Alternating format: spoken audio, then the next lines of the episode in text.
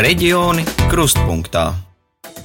Tuvojas novembris, Latvijas dienas mēnesis, kad vairāk domājam par tiem cilvēkiem, kas cīnījās par Latvijas nesen iegūtās neatkarības nosargāšanu. Latvija ir zemē, kurai pāri gājuši dažādi kari, aiz sevis atstājot kritušo karavīru tūkstošus, nereti steigā apglabātus mežos, laukos, grāvjos.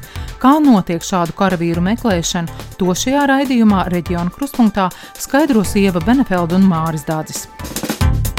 Reģioni krustpunktā.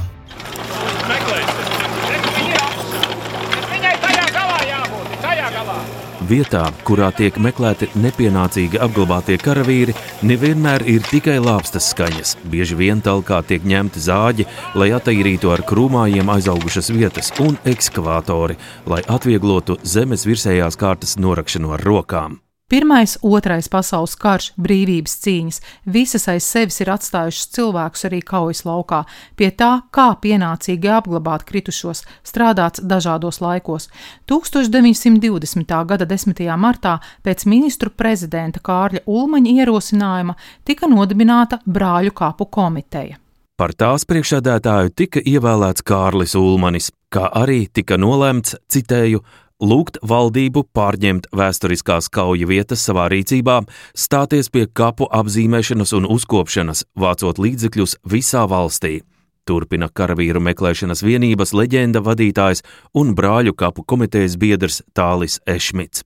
Tas notikās pēc Pirmā pasaules kara. To visu arī koordinē brāļu kapu komiteja, kad šie cilvēki tika pārvietoti, teiksim, uz brāļu kapiem un tam līdzīgi. Tas tika pārtraukts 1900 praktiski 44. 45. gadā, kad iestājās sarkanās armijas, nu, uzturēsim Krievijas okupācijas periods. Un tad tas tika pārtraukts uz kādam 1987. 86. gads. Tad uh, tika atjaunots tajā saucamajā tādā neformālā kustībā, kad tas viss atkal atsākās, jā, un tas bija kaut kāds 80. gadu beigas periods, jā, kad tika gan gan dibināt un atjaunot brāļu komiteju, un būtībā viņas uzraudzībā sākās šie darbi. Bet šajā padomju periodā, jā, pēc kara, uzreiz tā kā šādi, jā, tika apzināti, to darīja, teiksim, vietējās pašvaldības ar kara komisariātu, bija tāda kara komisariāta, varbūt kāds atcerās, kāds neatcerās. Viņu uzraudzībā tika apzināti sarkanās armijas karavīru kapi pirmatnējie, nu, arī tos apetīvu vietas, teiksim, viņu trūdi tika it kā pārvietot uz brāļu kapiem. Kritušo karavīru meklēšanu un pārbedīšanu drīkst veikt tikai ar biedrības brāļu kapu komiteju izsniegtu atļauju, kas derīga ar attiecīgās pašvaldības institūcijas reģistrācijas atzīmi un zemes īpašnieku saskaņojumu. Tā koordinē karavīru apbedījumu vietu stāvokli, apkopo par tām informāciju, uzrauga karavīru mirstīgo atlieku meklēšanu un to ekshumāciju. Latvijā ir vairākas biedrības, kas nodarbojas ar nepienācīgi apglabāto karavīru meklēšanu. Visaptverošākā ir leģenda. Tā ik gadu rīko apjomīgākas meklēšanas ekspedīcijas, kad atbrauc biedrības biedri arī no ārzemēm. Pandēmijas dēļ pērn tāda nenotika, bet šogad vēl pirms stingrajiem ierobežojumiem jeb lockdowna tika rīkota piecu dienu ekspedīcija pa kurzemi, sadarbojoties arī ar biedrību Patrioti.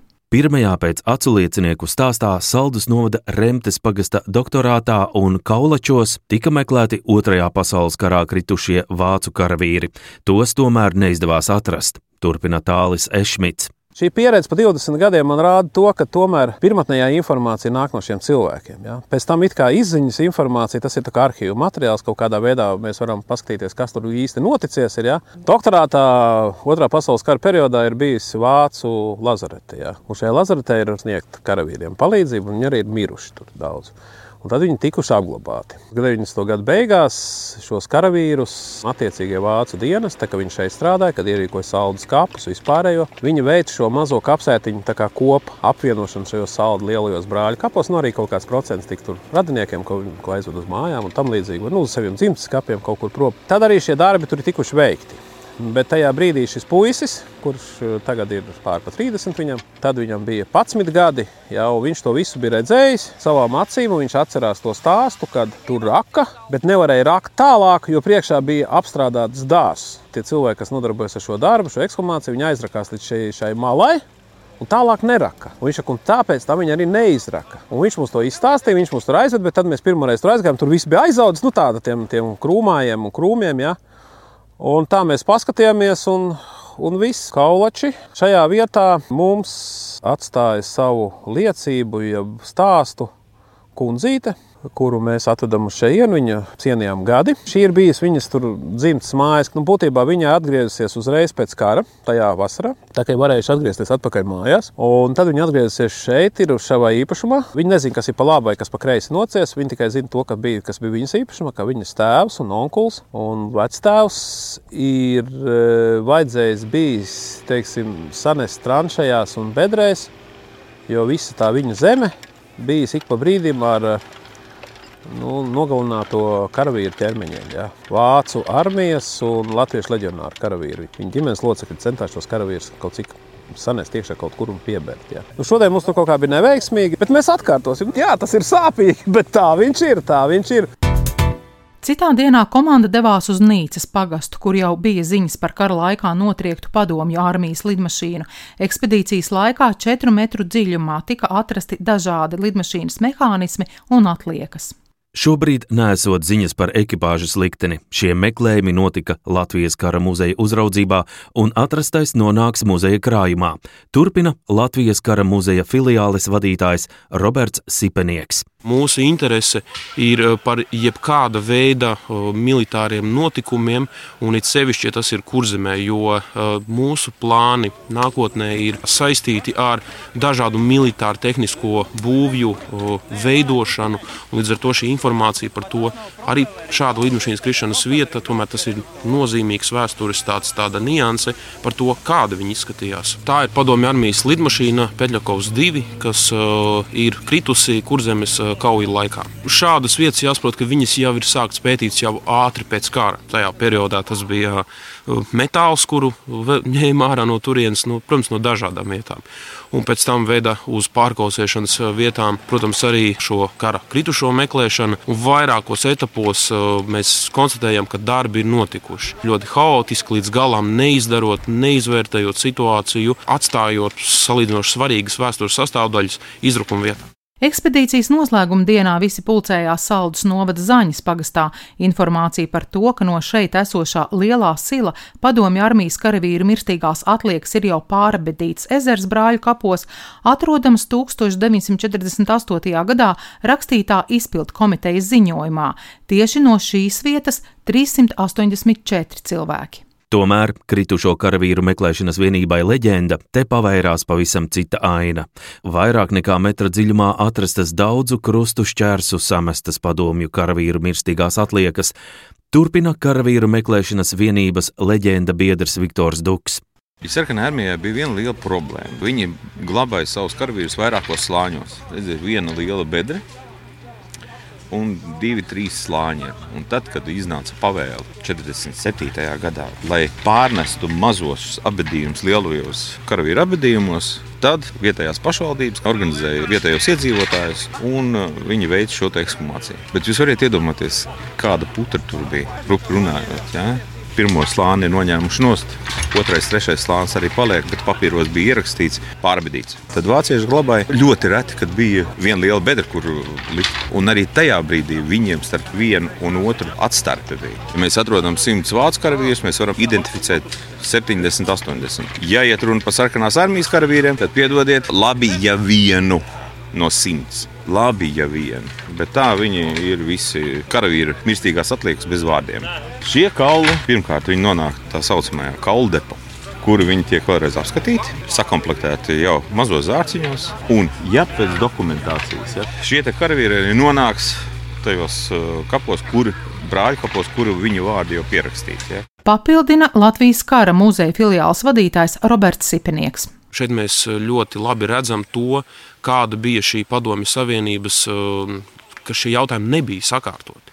Eh, un ar to mēs esam saskārušies arī jau iepriekš, kad brāļu kapos šie karavīri ir, viņu vārdi ir rakstīti, bet tajā pašā laikā šīs mirstīgās paliekas atrodas kā mēs redzam, šādās vietās. Tad padomi periodā īsi pēc uh, kara šie jautājumi tika kārtot, bet viņi tika kārtot ļoti haotiski. Šeit mums ir noteikti interesi no manas puses, kā no vietējā pagastu vēstures puses, jo šeit, Saudas novadā, otrais pasaules karš ir beidzies. Un vietā, kur šī kapitulācijas pakts ir parakstīts, apkārtnē šī vēsture ir ļoti svarīga nozīme. Tā kā mēs darbosimies pie šī jautājuma. Jā. Šādi atrastie karavīri pēc tam tiek pārabedīti brāļu kapos.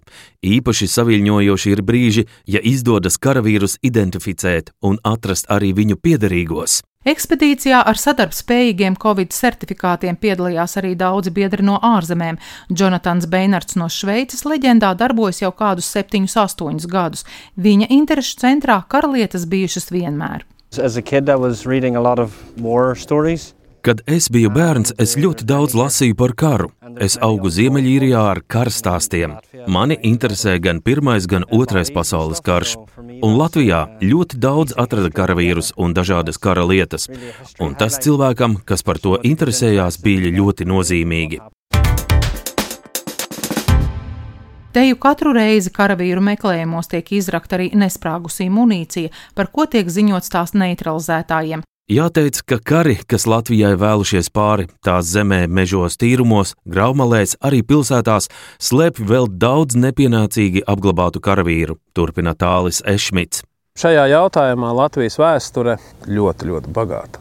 Šī kardarbība gan Pirmajā pasaules kara laikā, gan Otrajā pasaules kara laikā bija ļoti ilgstoša mūsu teritorijā, salīdzinājumā kaut ko ar kaimiņu valstīm, brāļu, ja tur Lietuva un Igaunija. Un šie upuri tajos abos karos bija katru dienu ja pirmos kā, kā varoņus apglabā, tad pēc tam, kas tur notiekās, ja, tas ieilgst uz gadu desmitiem, desmitiem, pat Pirmā pasaules kara laikā mēs pat sākam runāt par simtiem gadu. Ja. Un ne tikai par Pirmo pasaules karu, bet arī mēs varam runāt piemēram, par neatkarības cīņām. Ja mēs šogad ceram, oktobrī, varbūt novembrī sākumā apglabāt vēl joprojām pienācīgi neapglabāt, piemēram, Latvijas ordeņa kavalieris, kas ir piedalījušies un gūši apbalvojumus pēc nāves neatkarības cīņās. Ja, kas būs centrālajos Rīgas brāļu kapos jāglabā. Notiek tāds darbs, ko sauc arī par zinātnisko vēsturisko ekspertīzi. Tiek pieprasīti dažādu iestāžu atbildes uz eh, jautājumiem, apstiprinājumi, līdz kapu vietas nozīmēšanai. Tur ir jāaiziet šāds, eh, nosauksim, es drīkstētu izmantot vārdu, šāda procedūra, ja, kas ir jāievēro. Jo eh, tur, teiksim, lai varētu viņu apglabāt, ir jābūt simtprocentīgai pārliecinābai par to, ka viņš ir šis puisis. Tad jāsaskaņo visi vēsturiskie dati, un tad ir mm, arī jāsaskaņo šī ceremonija, jāsaskaņo kādā veidā un kas tur notiksies. Un pēc tam tikai tiek pieņemts lēmums par to, kur mums būs šī vieta. Un, un, un, un. Nu, tur ir jāveic zināms tāds, priekš, tāds priekšdarbs. Jā. Šis darba lauks pie mums ir vēl. Man ir grūti spriest, cik tas ilgi turpināsies, bet es varu garantēt, ka nākošos 50 gadus jā, nekādas sevišķi tāda liela uzlabojuma nebūs, lai mēs varētu kaut cik to visu sakārtot. Raidījums veidots RTV un TV kursa pēc programmas Latvijas Rādio 1 pasūtījuma. Raidījumu veidoja Ieva Benefelde, Māris Dācis un raidījuma tapšanā pateicamies par sadarbību arī Alanam Perševicam. Jau pēc nedēļas raidījumā Reģioni Krustpunktā mūsu kolēģi no RTV stāstīs par sabiedriskā transporta pieejamību reģionos. Vidzemes pusē no pagastu iedzīvotājiem bieži tiek saņemtas sūdzības, ka nav pieejami maršruti, kas regulāri dodas uz novada administratīvo centru. Reģioni Krustpunktā.